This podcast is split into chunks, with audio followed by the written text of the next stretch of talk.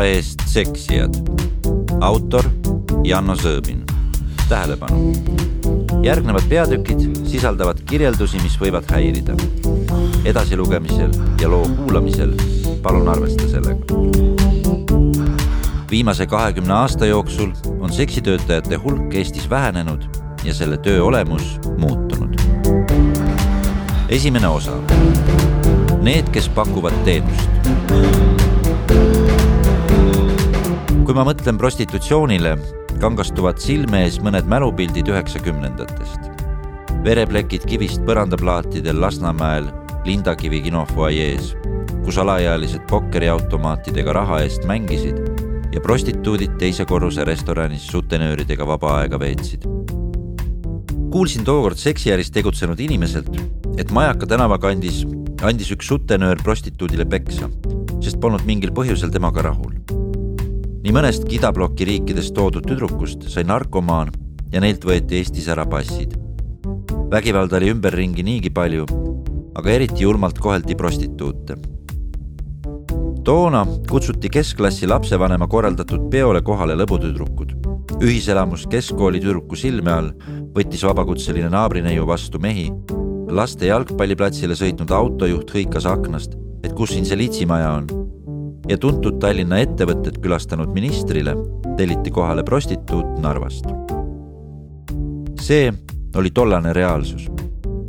prostitutsioon oli igapäevaelust lahutamatu, tavaline ja ühiskonnas normaalne nähtus.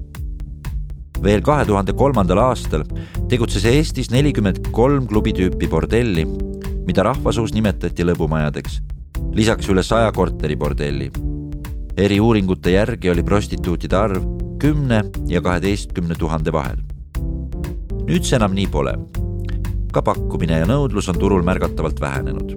püsivalt elatuvad vaid seksimüügist Eestis aastal kaks tuhat kakskümmend üks ligi kakssada seitsekümmend kuni viissada inimest, sõltuvalt sellest, kas vaadata ühe nädala pikkust või kolme või kuuekuulist perioodi. ei ole enam katust. Neid punastes pintsakutes mehi, kes meid kaitsevad me oleme iseenda peremehed. ütleb prostitutsioonis ligi kakskümmend aastat tegutsenud Viki. Need ahelad, millega tänapäeval naisi süsteemis kinni hoitakse, on nähtamatud ning vägivallaarmid peidetud. rõhutab Sotsiaalkindlustusameti ohvriabi nõustaja ja inimkaubanduse spetsialist Sirle Blumberg.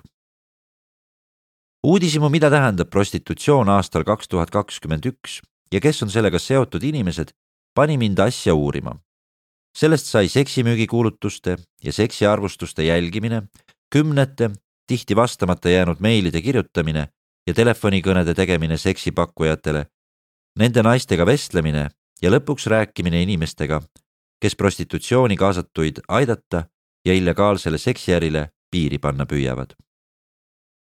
prostitutsioon, see tähendab nii seksimüük kui ka ost, on Eestis legaalne keelatud on selle vahendamine ehk kupeldamine. samas ei ole prostitutsioon Eestis reguleeritud ja maksustatud tegevusala. see on midagi subkultuurilaadset. seksiostjale piisavalt nähtav, aga enamikule kodanikele peidus. seks otse internetist võimalus Eestist eri portaalidest seksi osta või vaid seksuaalsuhte eesmärgil tutvust sõlmida näib olevat kiire ja lihtne lehele maha ja taha.com lisandub igas tunnis keskmiselt kümme seksimüügikuulutust. pakun õrna sensuaalset seksi. mul on ilus loomulik keha, meeldiv õrn nahk, loomulikud juuksed, seksi loomulik ilu. tule minu juurde, ma juba tahan sind. kutsub kolmekümne nelja aastane Ummi Tallinnast intiimteenuseid saab osta Tallinnas, Tartus, Mustvees, Pärnus, Türil, Rakveres ja Põlvas. kohtuksin Jõgeval, pakun meestele, mida meestel vaja. lõõgastav massaaž ja käega lõpp. rikkamale mehele on muidugi rohkem uksi avatud. kirjutab kolmekümne kolme aastane Merili.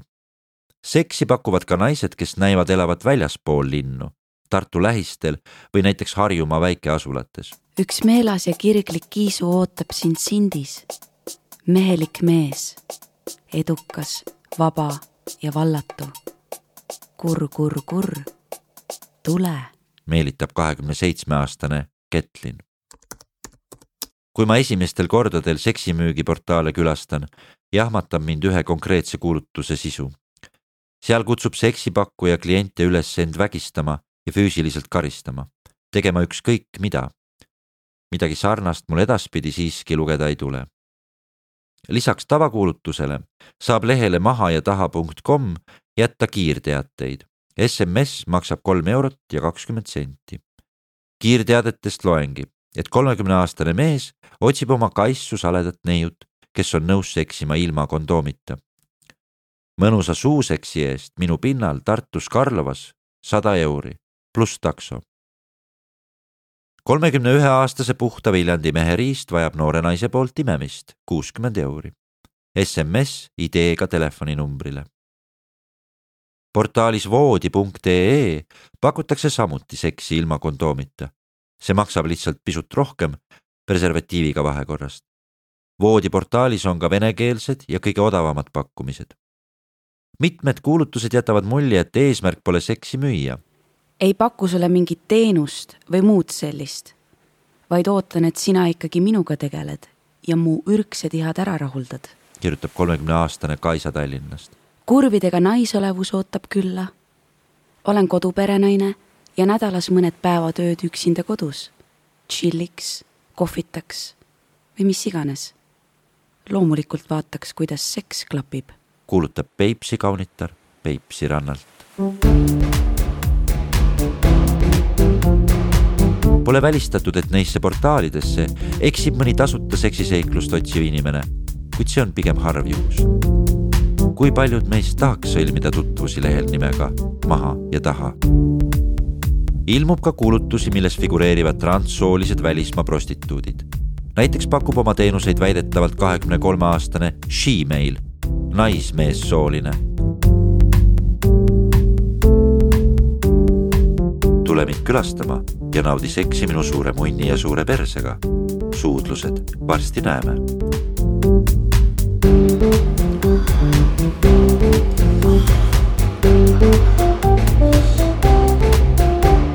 üsna palju näib Tallinnas tegutsevat välisriikidest Eestisse saabunud seksitöötajaid. lehelt www.eurogirlescort.com leiab kohavaliku Tallinnalt vähem või rohkem eksootilisi ja kohalikest nooremaid seksuaalteenuste pakkujaid. Sloveenia, Bulgaaria, Poola, Hispaania, Kolumbia ja Brasiilia naisi. kaheksanda novembri seisuga on Tallinna valikus seitsekümmend kuulutust, millest paljude taga konkreetset inimest Eestis siiski pole. nagu hiljem teada saan, võib see olla seotud asjaoluga, et ühest riigist liiguvad seksitöötajad sageli teise võimalus seksi osta paistab olevat ühe telefonikõne või meili kaugusel. Te olete väga ebatüüpiline klient, ütleb mulle üks prostituutidest. vähe on neid mehi, kes seksiteenust osutavate naistega pelgalt juttu ajada tahavad. Sofia Lasnamäel. see, mida me teeme, pole õige. on teisipäev, sombune ja vihmane hommik nagu oktoobris ikka läbi Põhja-Tallinna kiirustan autoga Lasnamäele. veidi ekselnud leian lõpuks õige koha ning pargin läheduses asuvasse hoovi, kus ristuvad mitu korrusmaja, kus prügikastid juba veidi üle ajavad ja kus suitab toitu otsides üksik priske kajakas. väikeste akendega ja kaheparaadnaga hall kulunud paneelmaja näib olevat sobiv tööpaik prostituudile. siinses ümbruses tuntakse üksteist vähe ja just siin on võimalik jääda anonüümseks jääda anonüümseks soovib kindlasti ka inimene, keda ma täna külastan. pealtnäha ligi neljakümne aastane, erkpunaseks värvitud huulte, sinise liibuva triibulise kleidi ja kõrgete parketil valjusti lõbisevate kontsadega naine võtab mind korteri uksel vastu komplimendiga. Te olete väga ilus. jope võib siia panna. ta naeratab lahkelt ja suunab mind sujuvalt magamistuppa, mille ukse sulgeb. Sofia kustutab tule mängib muusika. tema teenuste tuba on korras ja hubane. Ruumi ehib sügislehtedes tapeet. peale voodi on toas veel kuivatusrest ja tumba, kuhu esmalt pisut närveldades maandun. aga siis siia võib istuda? viipab naine konkreetselt voodile. ta on veidi üllatunud, kui kinnitan, et isegi suuseksi ei soovi. oleme eelmisel õhtul telefonis vestelnud. Sofia on tundunud viisakas ja mõistlik. et olla tema vastu aus, on nüüd viimane hetk öelda, milleks ma üldse tulin. Mainin, et olen ajakirjanik ja uurin seksitöötajaid. vaistlikult tunnen, et Sofia viis minuga kõneleda muutub võib-olla kaob tema lausetest see pingutatud sõbralikkus, millega ta näis püüdvat asju tavapärasesse voolusängi suunata. just selles suunas, et kliendiga asi kiiresti aetud saaks. olen juba teadlik, et netilehel Foorum kuuskümmend üheksa kurdavad prostituutidega seksimisest arvustusi kirjutavad mehed, et just selline on naiste töömeetod ja kliendid on sellises liinitöös sageli pettunud, sest arvavad, et on oma olemusega rohkem ära teeninud Sofia ei luba jutuajamist salvestada ja ulatab mulle paberi ja pastaka, et saaksin vastused kirja panna. meie vestlus sujub esialgu üle kivide ja kändude, kuid proovin alustada positiivsest. inimesed tulevad siia igavuse peletamiseks, ütleb naine. tema püsikliendid on hinges ilusad inimesed, aga siit korterist ta väljas nendega ei käi, sest nad on pereinimesed ning delikaatne suhtumine klientidesse on Sofiale tähtis. mõni neist on ka kuulus inimene. hea klient on lihtne adekvaatne ja kiire. ent Sofial on olnud siiski ka kliente, kellel ta on palunud lahkuda. mul oli üks selline välismaalane, kes teenib NATO vägedes. oli näha, et ta on hull ja tal pole asjad päris korras peas. naine näib korraks silmanähtavalt häiritud ja nendib, et pidi tol korral kutsuma politsei. Iga klient on Sofia jaoks siiski oluline. tuleb inimene kuskilt Jõgevamaalt ja maksab tema jaoks on see suur raha. selle rahaga saaks ta võib-olla terve nädala elada. teda peab kohtlema hästi, temasse suhtuma nagu inimesse. tal peab olema korras tuba ja puhas naine. Sofial on kogu aeg kiire ja aeg hästi ära planeeritud. põhiline motivatsioon seksitööd teha on raha. seda tööd teeb ta ainult raha pärast. Raha on vaja selleks, et toetada oma lapsi ja eakat ema kui Sofia siit korterist väljub, katsub ta jätta töö ja töömõtted ukse taha. see on sama, mis olla müüja Maximas. Lähed koju ja unustad kliendid ära. peagi kõnetab Sofia mind konkreetsema tooniga kui seni. teeme nii, et te kümne minuti pärast lahkute. Avada oma hinge ei tea kust välja ilmunud mehele, kes väidab end olevat ajakirjanik ja loodab kirjeldada seda enda jaoks eksootilist ametit, võib olla talle tüütu ja väsitav. või on naisel lihtsalt juba muud tegemist ja ma segan teda. Sofia ütleb, et see, mida nemad seksitöötajad teevad, on halb. see pole õige. nii ei peaks asjad elus käima ja sellest saab ta ise aru. Ma ei mõista, kas ta kahetseb, väljendab ühiskonna poolt aktsepteeritud seisukohta tema vastas istuvale ajakirjanikule, keda ta näeb ühiskonna täisväärtusliku liikmena, on aus või lihtsalt tahab olla enda suhtes karm. aga ta nõustub, et alati jääb keegi seda tööd tegema võib-olla arvab mõni mees, kui seksi ostab, et see teeb talle head. võib-olla seda Sofia ei tea. kui ta ise mees oleks, siis ta seda teenust ei tarbiks. ta ei oska täpselt selgitada, miks, aga ta ei teeks seda.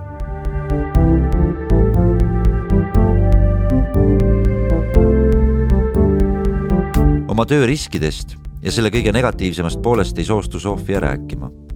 veel aasta tahab ta seksitööd jätkata ja siis lõpetada kogub praegu raha, et tulevikku investeerida. kuidas, seda ei soovi ta valgustada. Sofia tunneb inimesi, kes on prostitutsiooniga lõpparve teinud, et nendega ta enam ei suhtle. Need inimesed on süsteemist väljunud ja juba kuskil mujal. vahetult enne minu lahkumist Sofia pisut leebub.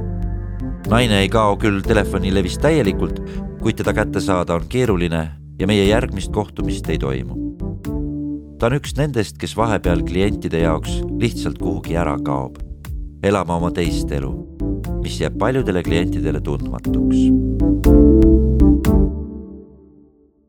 Viki Tartus. Kuhu sa tuled ilma kondoomita?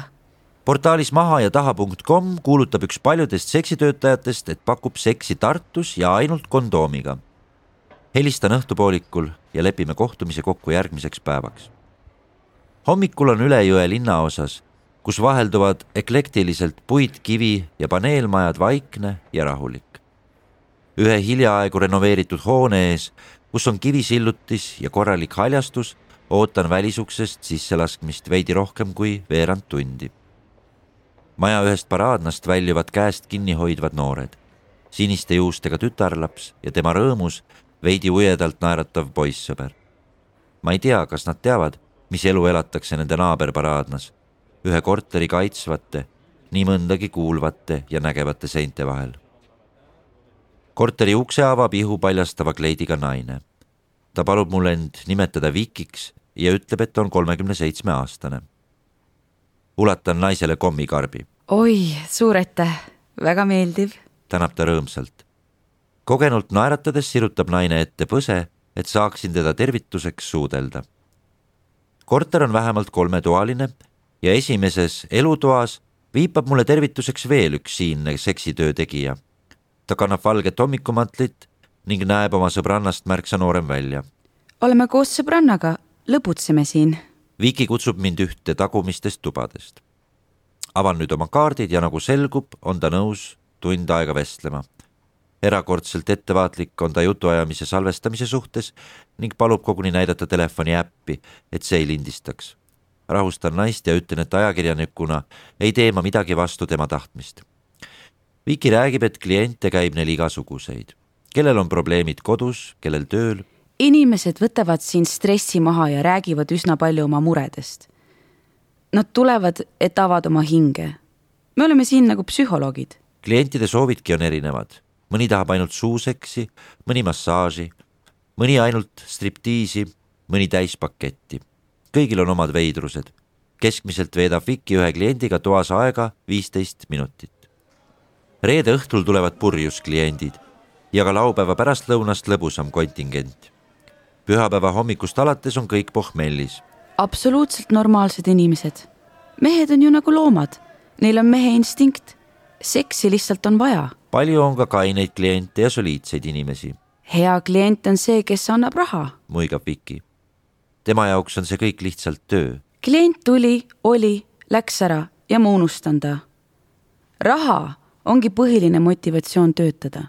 elama ju peab Viki arvates mõtlevad paljud, et seksitöötaja teenib kerget raha, aga see pole nii. vaimselt on väga raske. kõige raskem päev on siis, kui tulevad keerulised kliendid, tervist kahjustavad ja agressiivsed. Nad mõtlevad, et on kuningad. sinusse suhtuvad nagu mitte inimesse, kes peaks nende jalgu suudlema. maksavad ja arvavad, et võivad kõike teha. paljud tulevad nagu kumminaise juurde. peale selliseid kliente tuleb mul stress Nad käivad siin, nagu nad käiksid WC-s. Nendega on üldse parem mitte rääkida. Viki tõdeb, et kui inimene meeldib, võib temaga seksida. ebameeldivatega aga tuleb barjäär ette. kaitsta tuleb Viki sõnul seksitöö tegijatel ennast ise. enam pole katust, neid üheksakümnendatel tegutsenud mehi. loomulikult oleme iseenda peremehed, rõhutab ta. politseisse helistaks Viki vaid siis, kui muud üle ei jääks ja olukord tõesti kriitiliseks läheb näiteks kui keegi noaga ähvardaks. korrakaitsjaid ta siiski siiani kutsunud pole. ta tahab lihtsalt töötada ja õhtul koju minna. tihti ei tule Vikit külastaval kliendil midagi välja. ta rassib küll, aga ei saa orgasmi. just sellepärast, et stressi on liiga palju. kui mehed ei saa, mida nad tahavad, süüdistavad nad selles tihti prostituuti. on kliente, kes üritavad seksitöötajat petta ja mitte maksta. on noori, kes proovivad kasutada valeraha kui on kahtlus, et mees on noorem kui kakskümmend üks, tuleb küsida dokumenti. klientide seas on ka kriminaalse taustaga inimesi. Nendega leiame ühise keele ja saame hästi läbi, muigab ta. on ka neid, kes nõuavad seksi ilma kondoomita, aga seda Viki ei mõista. ta tõuseb püsti ja räägib kirglikult. on selge, et see teema läheb naistele korda. tuled ilma kondoomita, vaata siis kuhu siin on ju riskid suured, kas sa ennast ei taha hoida? abielus mees ja tahad seksida ilma kummita ja pärast lähed oma naise juurde. sellised mehed mõtlevad Viki arvates munade, mitte peaga. ta ütleb, et seksitöö on nagu narkootikum ja sellest on väga raske loobuda. kõik käib ümber raha. sellist raha nagu siin kuskil mujal ei teeni, sest hea õnne korral võib ühe päevaga välja teenida tavainimese kuupalga. see on nagu soomülgas, mis sind endasse kisub üks võimalus lõpparve teha on siis, kui rasedaks jääd. kui lõpetad, on ka hea mõte elukohta vahetada, kuhugi mujale elama kolida. tuleb kuhugi ära sõita, lülituda ümber millelegi muule. Viki arvates on see võimalik. elus ei ole midagi võimatut. aastat viis tagasi tegi Viki pausi. selleks hetkeks oli ta töötanud juba ligi viisteist aastat. pausi tegi armastuse pärast. kui armus ja hakkas mehega elama, ei teadnud viimane esiti üldse, millega naine tegeleb. hiljem rääkis ta mehele, et tantsis striptiisi. mees arvas, et tantsimine on kunst ja see on okei okay ent siis tuli lahkuminek, Viki ei leidnud enam tööd ja tuli prostituudina uuesti alustada. kui oleme juba mõnda aega juttu ajanud, märkan äkki, et mööda naise jalga jookseb verenire. ta võtab salvräti ja pühib selle ära, korraks vaid jutuga takerdudes ja siis rahulikult edasi vesteldes. kas tegu on tööst tuleneva vigastuse või naise keha tavapärase funktsioneerimisega, neid detaile tundub mulle sel hetkel kohatu küsida. uurin Vikilt, kas tal on raske mulle oma tööst kõnelda. kergem oleks ehk täita rutiini, minuga lihtsalt seksida nagu iga teise kliendiga. ma olen juba nii palju läbi elanud, et mul on raske ette kujutada midagi, mis oleks raske. Ma ei karda raskusi, ütleb ta. Viki tõdeb, et palju on tema klientide seas siiski ka meeldivaid inimesi, on soomlasi, ameeriklasi ja kõikvõimalike teiste rahvaste esindajaid.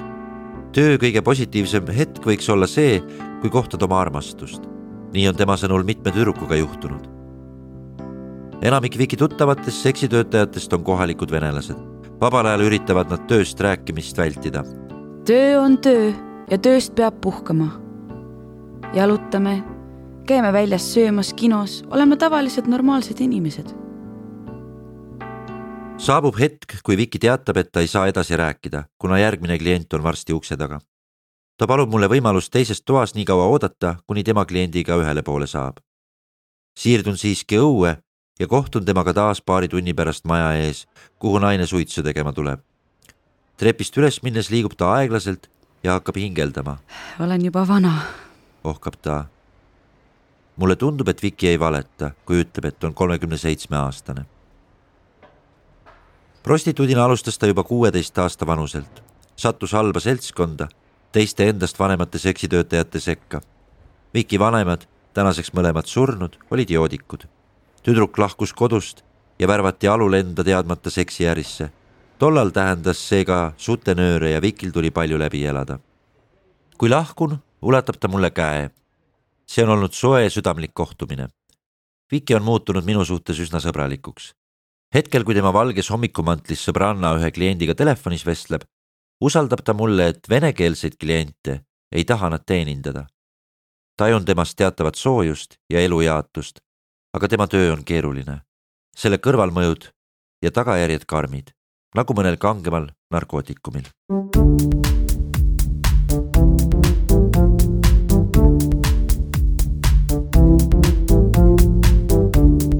Melania areng peab toimuma. vaid olmekulude katmisel pole mõtet. ühes Tartu hoonetest, kust avaneb vaade linnale, on pisike voodiga tuba. minu vastas istub musta värvi pesuväel sihvakas ja sportliku kehaga naine. kui ma oleksin seksiostja, kes annaks teenusepakkujale hinnangut, kirjutaksin ma ehk portaalis Foorum kuuskümmend üheksa ilmuvas arvustuses.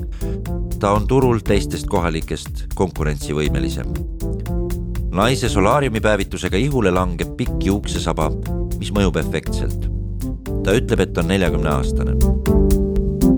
saan teada, et Melania hind seksi eest on pisut kõrgem kui mitmetel teistel prostituutidel. ka korter, milles ta oma sõbrannaga teenuseid pakub, on uhkem ja hinnalisem. Melania ise on enesekindel ja näib oma napis kostüümis end hästi tundvat. teda ei heiduta kuidagi ka see, kui kuuleb, et olen ajakirjanik korraks läheb ta vaid teise tuppa, arutab nii nagu eelnevalt Vikigi midagi oma sõbrannaga, naaseb siis, nõjatub taas voodile ja on intervjuuks valmis. Melania jätab mulje, et ta juhib oma elu ja kontrollib karjääri. teeb seda tööd siis, kui vaja ja nii palju kui vaja. sarnast lähenemist, millega üritatakse kummutada seksitööga seotud eelarvamusi ja vähendada sellesse negatiivset suhtumist, olen ma varem kohanud BBC broadcastis Is sex work just a job? seal räägitakse, et seksi müümisel on ka helgem pool. ka Melania räägib, kui oluline on osata ennast müüa, olla iseenda direktor. Melania on enda sõnul ettevõtja, tal on suur maja ja auto, ta on pärit Ida-Virumaalt, kuid ligi kakskümmend aastat elanud Soomes, ajanud pikalt plastilise esteetilise kirurgia operatsioonide vahendamise rahvusvahelist äri. Kui kahe tuhande kahekümnendal aastal turism korraga lukku läks ja reisida enam ei saanud, lõi koroona tema ärisse nagu välk selgest taevast. pankrot saabus kiiresti. Melania selgitab, miks ta seksitööd tegema asus kui sa tegeled väikeettevõtlusega, siis tead, et sul on kindel siht ja sa töötad selle nimel ja arvestad teatud elukvaliteediga. ja kui tahad seda elukvaliteeti hoida, pead ka olukorra muutudes midagi tegema. tal on keskharidus, aga ta on iluteenuste alal end palju täiendanud. Melania tegeleb fitness-spordiga, ei ole narkomaan, tema perekond on korralik ja tal pole olnud õnnetu elu. ja nii ei vasta ta tüüpilisele ettekujutusele prostituudist ta usub, et kui suhtuda oma töösse kui ettevõtlusesse ja seada kindel eesmärk, on võimalik edasi areneda ja vahetada valdkonda. Kui Melanial jääb oma projekti uue ilusalongi loomise kõrvalt aega, teeb ta seksitööd kõikidel tööpäevadel võimalusel üheteistkümnest kolmeni ja sõidab selleks iga päev Tallinnast Tartusse. meeldivad kliendid on Melania sõnul viisakad inimesed, sageli haritud ja nendega on võimalik vestelda ta ei eita, et töötab ka ise nii, et saaks iga järgmise kliendiga töö võimalikult kiiresti valmis, mis tähendab üsna kiiresti meheseemnepurskeni jõudmist. Ent vahel harva tekib inimesega juttu ajades siiski ka hetkeline side, huvi tema sisemaailma vastu. tavaliselt siin keegi muidugi mingeid dialoogi ei arenda, töötatakse rutiiniga, ollakse väljas massiteenindusel. Melania ei seksi kunagi ilma preservatiivita ega tee seda ilmselgete narkosõltlaste või alkohoolikutega. ta ei teeninda ka kliente, kellel on probleeme hügieeniga. Melania ei pea seksis tegema seda, mida ta teha ei taha ja ütleb, agressiivseid kliente pole tal olnud. pigem on inimesed meeldivad ja positiivsed. turvalisuse huvides on siiski ühes korteris parem töötada koos sõbrannaga ja seda Melania teebki. kui halbade kavatsustega klient peaks nägema, et korteris on kaks inimest, on väiksem tõenäosus, et ta midagi hullu ette võtab. riskantsetest olukordadest on Melania teiste prostituutide käest seni vaid kuulnud. ta on sada protsenti kindel, et kui mõni selline tekiks, kutsuks ta politsei. seksist seksitöötajaga ilma kondoomita ei saa Melania aru. see on mingi seletamatu meeste maailm, mida naistel on väga raske mõista. kui mees seda küsib, siis ma isegi ei taha selliste meestega olla kujutan ette, et ta võib olla seksinud ilmaga enne ja talt võib mingi haiguse saada. rahasse peab Melania sõnul suhtuma nii, et oleks kogutud varu, et end aidata, kui elus peaks juhtuma ootamatusi. Kui sa töötad kahekümne või neljakümne euro eest kord, ei kompenseeri sa endale midagi, hakkad katma oma olmekulusid, satud rutiini ja sealt on juba väga raske välja pääseda. kuna Melania hind on krõbedam, võib kliente olla pisut vähem, kuid see-eest on nad kõrgema staatusega naise sõnul on tema põhilised kliendid väikeettevõtjad, nagu ta isegi. eraldi rubriiki kuuluvad kliendid, kes tahavad veidrusi, näiteks nii-öelda kuldset vihma. ma ei tee seda, minu jaoks on see liiga imelik, ütleb Melania.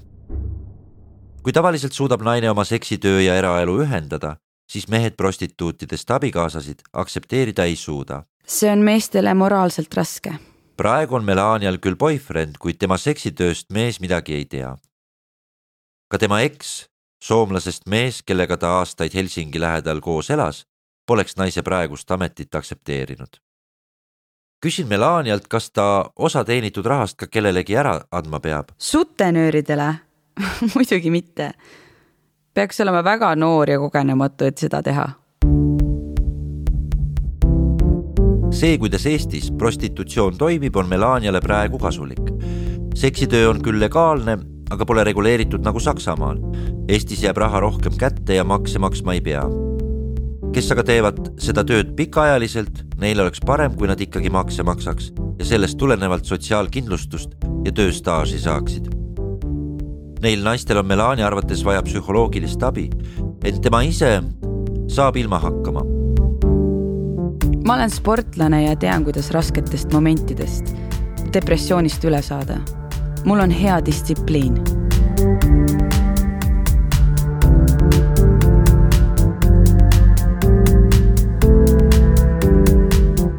Prostitutsiooniga lõpparve teha tahab Melania juba selle aasta detsembris. Enda sõnul on ta seksiteenuste pakkumisega tegelenud vaid loetud kuud. sellest suvest saati. kõike seda Melania räägib, kuid kas see on ka päriselt nii? tajun, et olen temaga juttu ajama jäänud liiga kauaks ja ületanud oma ajalimiidi. ta kontrollib olukorda ja paistab, et võin toast esikusse minna ning lahkuda. ent jään sellega ikkagi hiljaks. Järgmine klient on just sisse astumas ja Melania sosistab ärevalt midagi oma sõbrannale. kas te saaksite momendiks siia minna? ütleb ta ja lükkab mind õrna liigutusega koridori riidekappi, mille lükandukse suleb. ma lubasin tulla, kõlab peagi sisse astuva mehe siiras hääl. isegi kui see hääl on kuidagi tuttav, ei saa ma kunagi teada, kes ta oli. klientide privaatsus on seksitöötajale oluline. väljun siis, kui mees on magamistuppa kadunud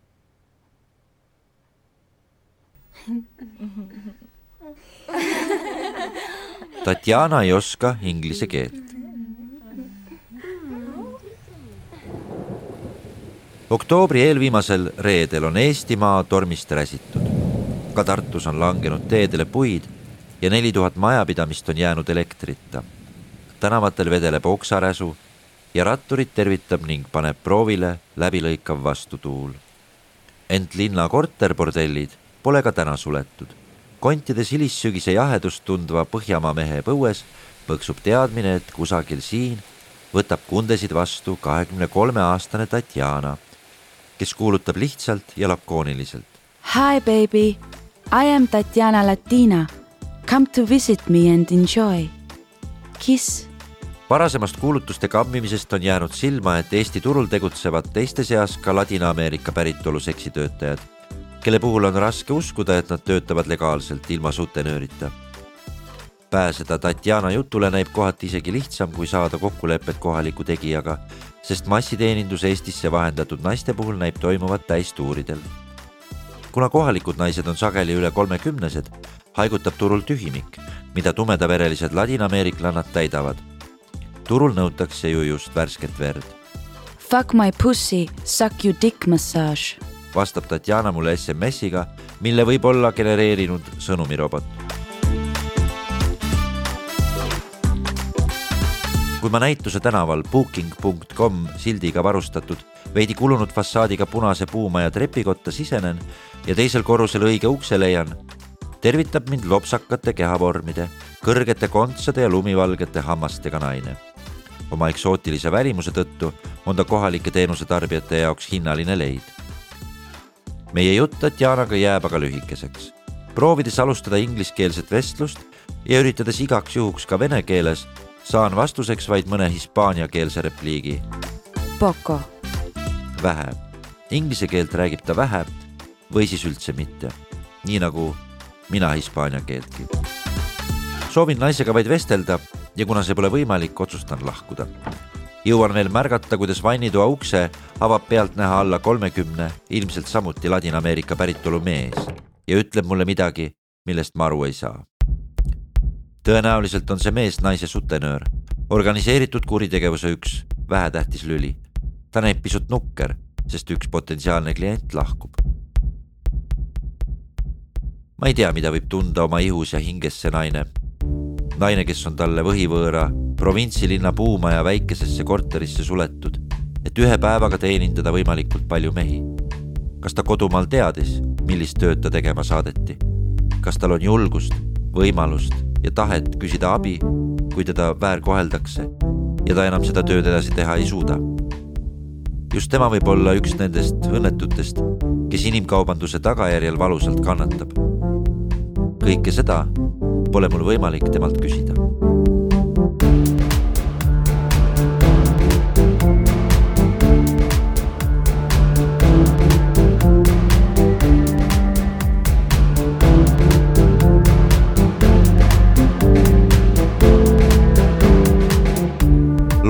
autor Janno Sõõbin.